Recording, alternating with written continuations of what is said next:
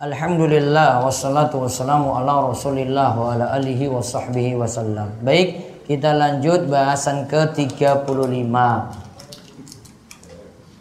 Waspadalah terhadap tauhid. Ihzaru tawaghid. Waspadalah terhadap togut-togut. Nah sekarang kita lihat dulu apa ini maksud togut. Ini sesi keberapa tadi? 18 ya. Apa yang dimaksudkan dengan togut dan macam-macamnya?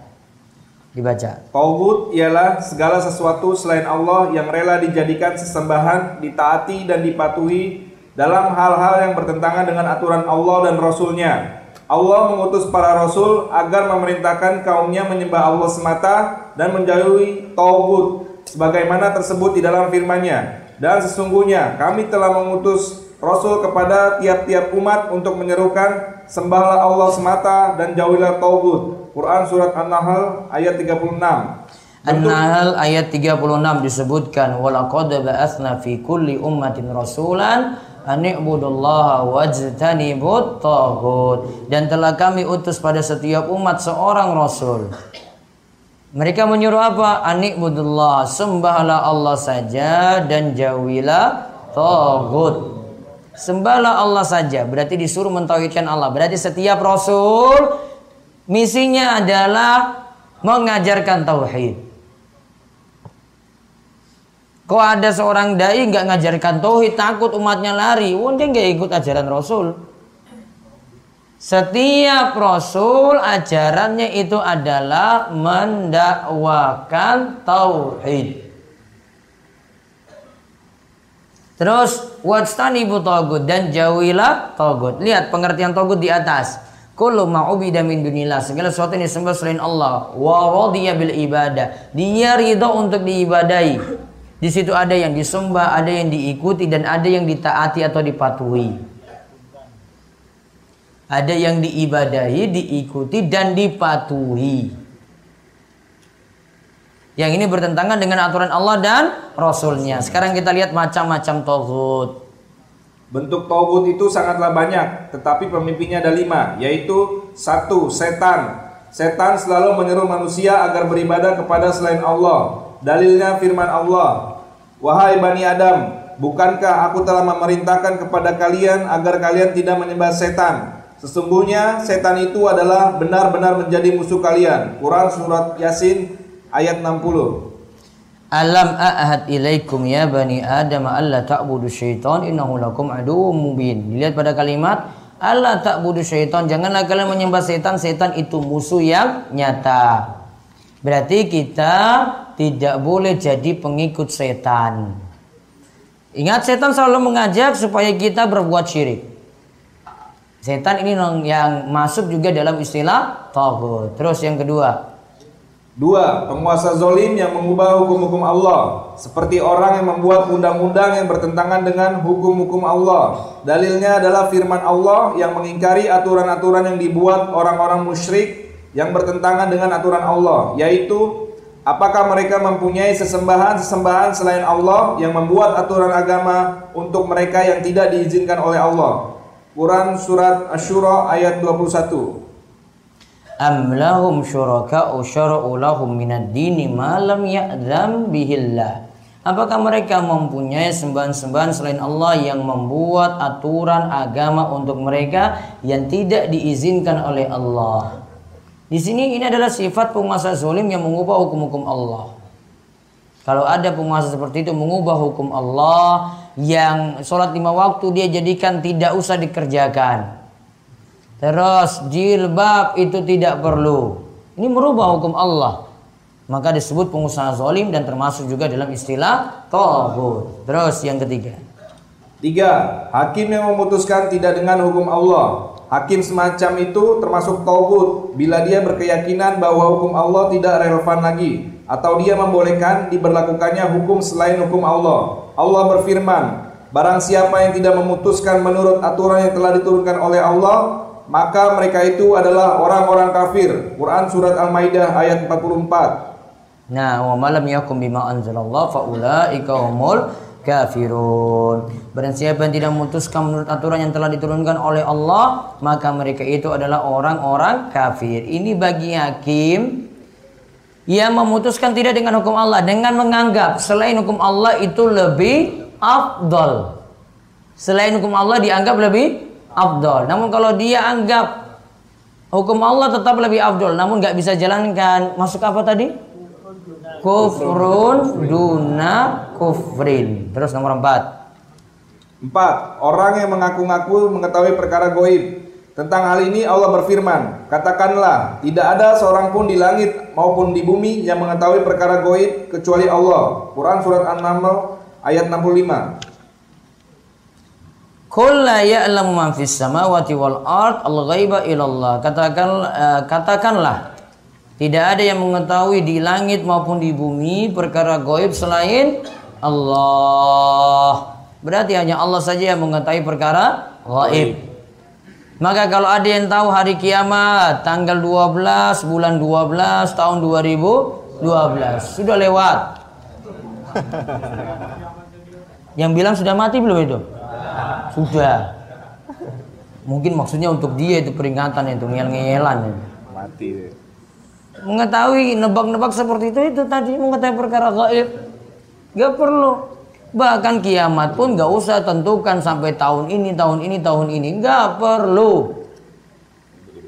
Ya. Cukup imani saja hanya Allah yang mengetahuinya. Gak usah bahas lagi umur dunia itu tinggal sekian, sekian, sekian, sekian. Ustadz kurang kerjaan. Ya nggak ada bahan lain saja. Nggak bahas syirik, nggak bahas ini, bahas itu, bahas umur dunia. Eh kurang gawean lagi. Terus nomor lima.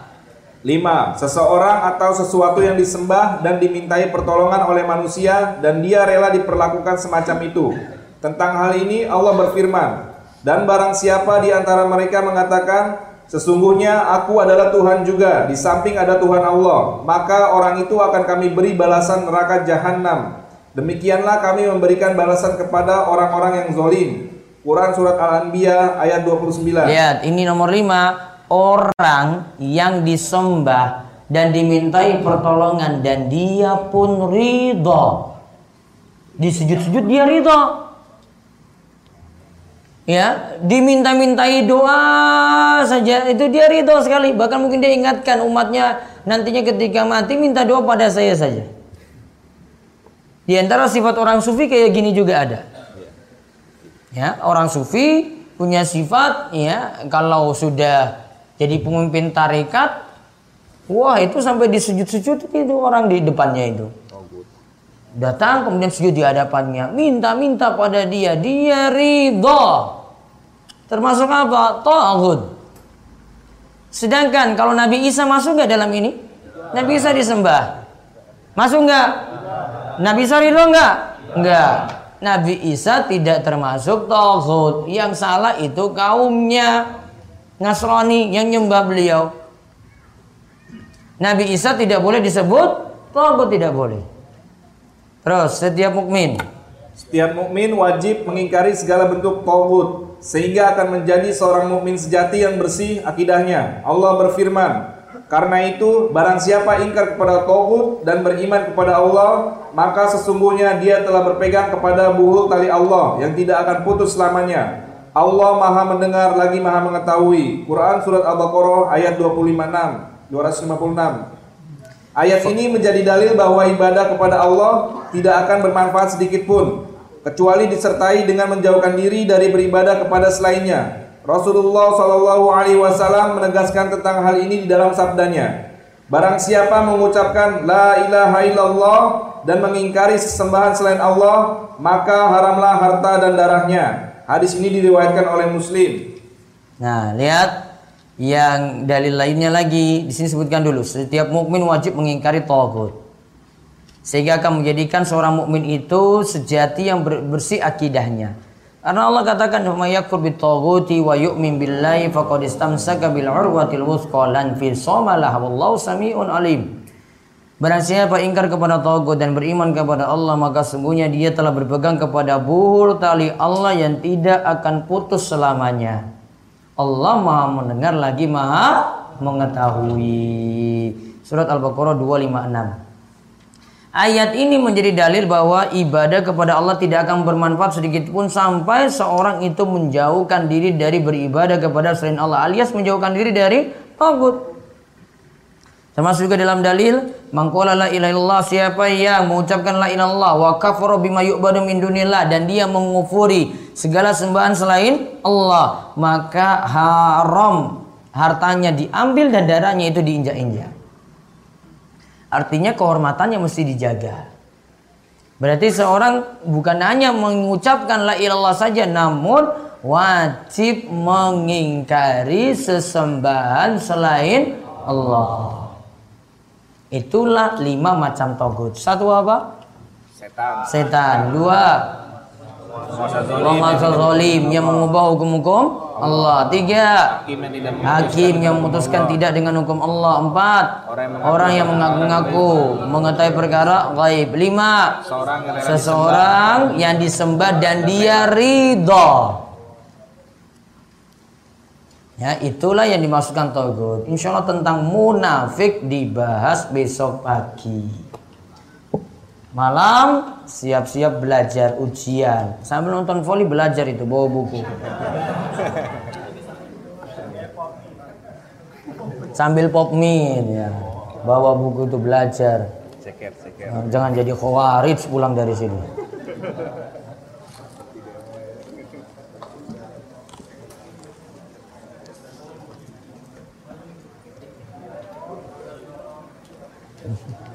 Bolehkah merutinkan setiap sholat fardu atau sebagiannya saja untuk bermuhasabah dan memohon ampun? Sholat fardu ada anjuran setelah sholat baca istighfar, itu termasuk muhasabah. Syarat menjamak sholat bagi musafir apa? Ketika sulit mengerjakannya di masing-masing waktu. Afdolnya kerjakan di masing-masing waktu dulu bagi musafir. Maka contoh di sini ada sholat kan jenengan dapat zuhur di waktu zuhur kan? Asar di waktu asar. Lebih bagus seperti itu daripada di jamak mengkosor yang ada nanti paling bagus mengkosor bagi musafir. Namun kalau ada imam tetap ikuti imam.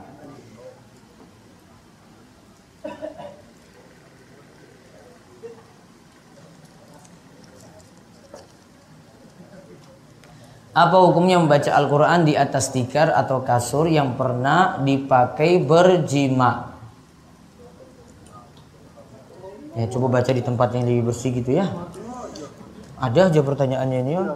Hmm. Selain keteladanan bagaimana mengatasi anak yang susah diajak sholat ke masjid. Banyak doakan Rabbi ja'alni muqimas salati wa min zurriyati rabbana wa taqabbal doa.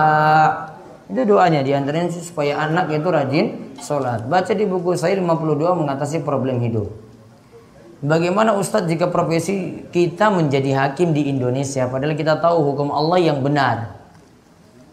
Uh, benar Ustadz ada hadis yang menganjurkan kita memakai perhiasan saat sholat, jam tangan, cincin dan lainnya. Enggak, enggak ada hadis yang haruskan pakai cincin, pakai jam tangan enggak. Melepasnya juga tidak ada hadis yang harus melepas menunjukkan melepaskannya. Kalau jadi hakim, ya selama meyakini hukum Allah lebih baik ya sudah nggak ada masalah di situ. Dan dia nanti membela hukum-hukum Islam dalamnya boleh. Bolehkah kita menolak pemberian orang misalnya uang karena kita tahu dia juga membutuhkan? Dan jika kita to, dan jika kita tolak khawatir dia tersinggung menolak pemberian orang. Boleh seperti itu. Kita nolak pembelian orang kita tahu dia itu misalnya pas-pasan hidupnya maka ketika itu kita nolak kembalikan uang itu pada dirinya sah-sah saja. Apakah ada tuntunan ketika sholat ba'diyah harus bertukar tempat dengan jamaah di sebelah? Yang ada anjurannya itu pindah tempat. Ya, pindah tempat. Sebagaimana dalam hadis Muawiyah untuk membedakan sholat wajib dan sholat sunnah. Huwaris menetapkan pelaku dosa besar sebagai kafir yang mengeluarkan dirinya dari Islam. Dikarenakan hadis tentang tidak berzina ketika keadaan beriman. Mereka berkata, kalau tidak iman, ya sudahlah kafir. Bagaimana membantah syubhat ini? Tadi iman itu ada yang kalau tidak punya iman tadi, kalau tidak sempurna iman tadi, iman itu ada yang ditinggalkan maka dia kafir secara total. Ya, ada yang membuat orang kafir secara total. Namun ada yang jika tidak dilakukan, dia dia tidak kafir secara total. Enggak semua yang dihukumi kayak begitu. Contoh tadi membunuh.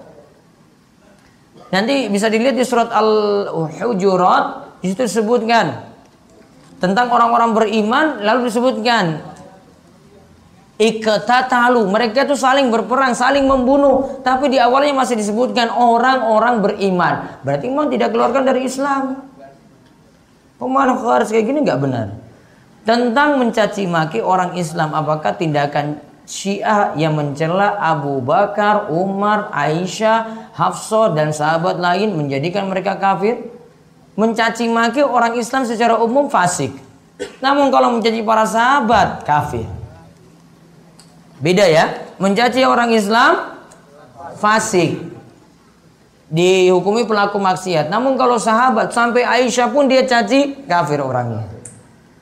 Apakah sekedar sekadar mendengar atau memutar murotal kita dapat pahala ustadz apakah bid'ah enggak mendengar termasuk pahala bolehkah mengucapkan seandainya Rasul masih hidup tentu dia akan titik-titik dan titik-titik enggak ini pengandaian yang bukan maksudnya untuk menolak takdir enggak ini cuma dalam bahasa kita tuh kayak bagaimana jika Rasul itu ada gitu ini bukan pengandaian untuk hal-hal yang haram itu bukan Pengandaian yang bermasalah jika itu tidak ridho pada musibah, tidak ridho pada takdir. Ini baru pengandaian yang bermasalah. Tidak semua pengandaian itu dihukumi dosa. Ketika saya sholat sunnah, tiba-tiba orang yang lagi duduk ke depan saya berjalan ke belakang menginjak tepat di bagian sujud dahi saya. Ya, Ketika saya sholat sunnah, tiba-tiba orang yang lagi duduk ke depan saya berjalan ke belakang, menginjak tepat di bagian sujud dari saya. Apakah saya harus menghalangi dia? Kalau tempat kamu sholat boleh halangi dia. Namun kamu lagi sujud ini, saya nggak tahu dia kok nekat banget ini. Saya belum paham juga soalnya. Apa hukum bisnis dropshipper? Apakah Rasulullah SAW pernah berdagang dengan sistem ini? Ingat, dalam masalah dagang, bukan ditanya Rasul pernah nggak lakukan bisnis ini karena bisnis itu berkembang. Jangan terlalu saklek dengan bisnis di masa Rasul. Bisnis itu ditanyakan kayak gini, ini dilarang nggak? Bukan tanya Rasul pernah lakukan atau tidak. Kalau Rasul pernah lakukan atau tidak, kamu pakai unta pergi keliling-keliling itu jalan-jalan ke mana-mana. Itu cara Rasul. Jadi dalam masalah dunia bukan ditanya Rasul pernah lakukan ini enggak, kamu nggak akan pernah dagang kalau kayak begitu nggak boleh bisnis online, nggak boleh promosi lewat online, bid'ah semuanya nih kamu duduk kayak begitu, enggak. Kalau masalah bisnis tanya, ini dilarang nggak? Maka kalau dropshipper dilarang atau tidak? Ya, yang jelas kalau dropshipper yang yang jelas yang dipenuhi satu, barang harus barang itu harus jelas. Saya jelaskan dropshipper agak rumit ya, ini harus bahasan khusus ya. Nanti baca aja di website saya ada pembahasan dropshipper secara tersendiri ya. Yang jelas kalau mau tanya tentang bisnis jangan tanyanya Rasul lakukan atau tidak. Nanya apa? Dilarang atau tidak. Baca lebih lengkap di sana. Harus saya jelaskan dropshipper dulu apa, terus nanti hukum-hukumnya bagaimana. Pembahasannya panjang. Kita lagi bahas firqatun najiyah.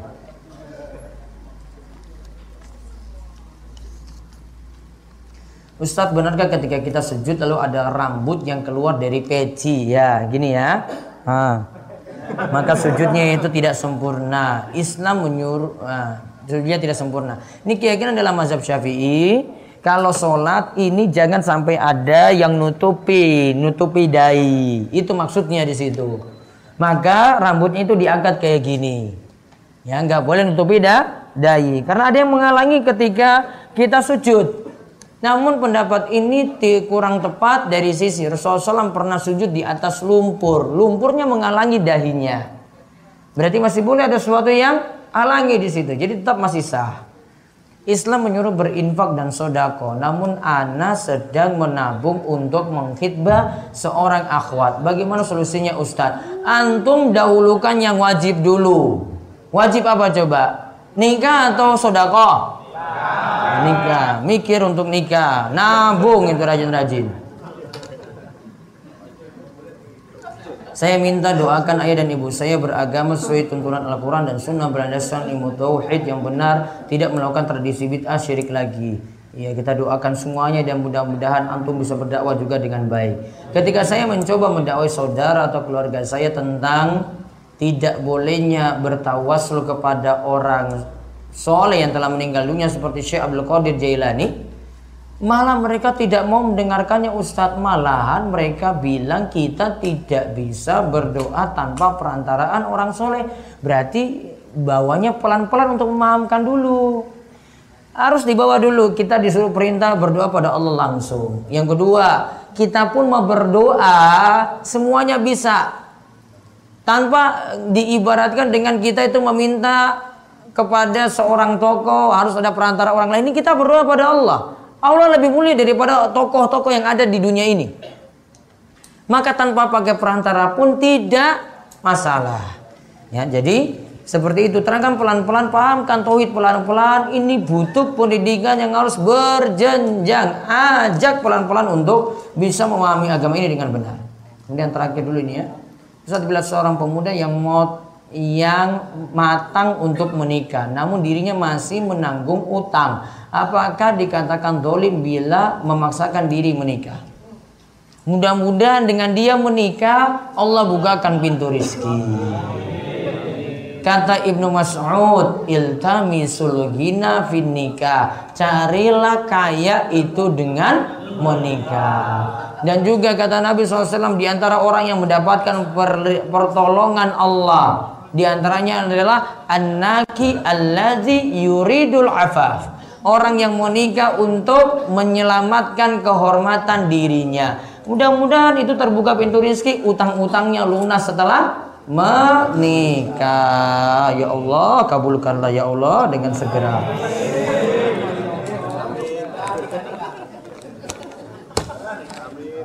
Sudah didoakan lo amin semua itu jamaah.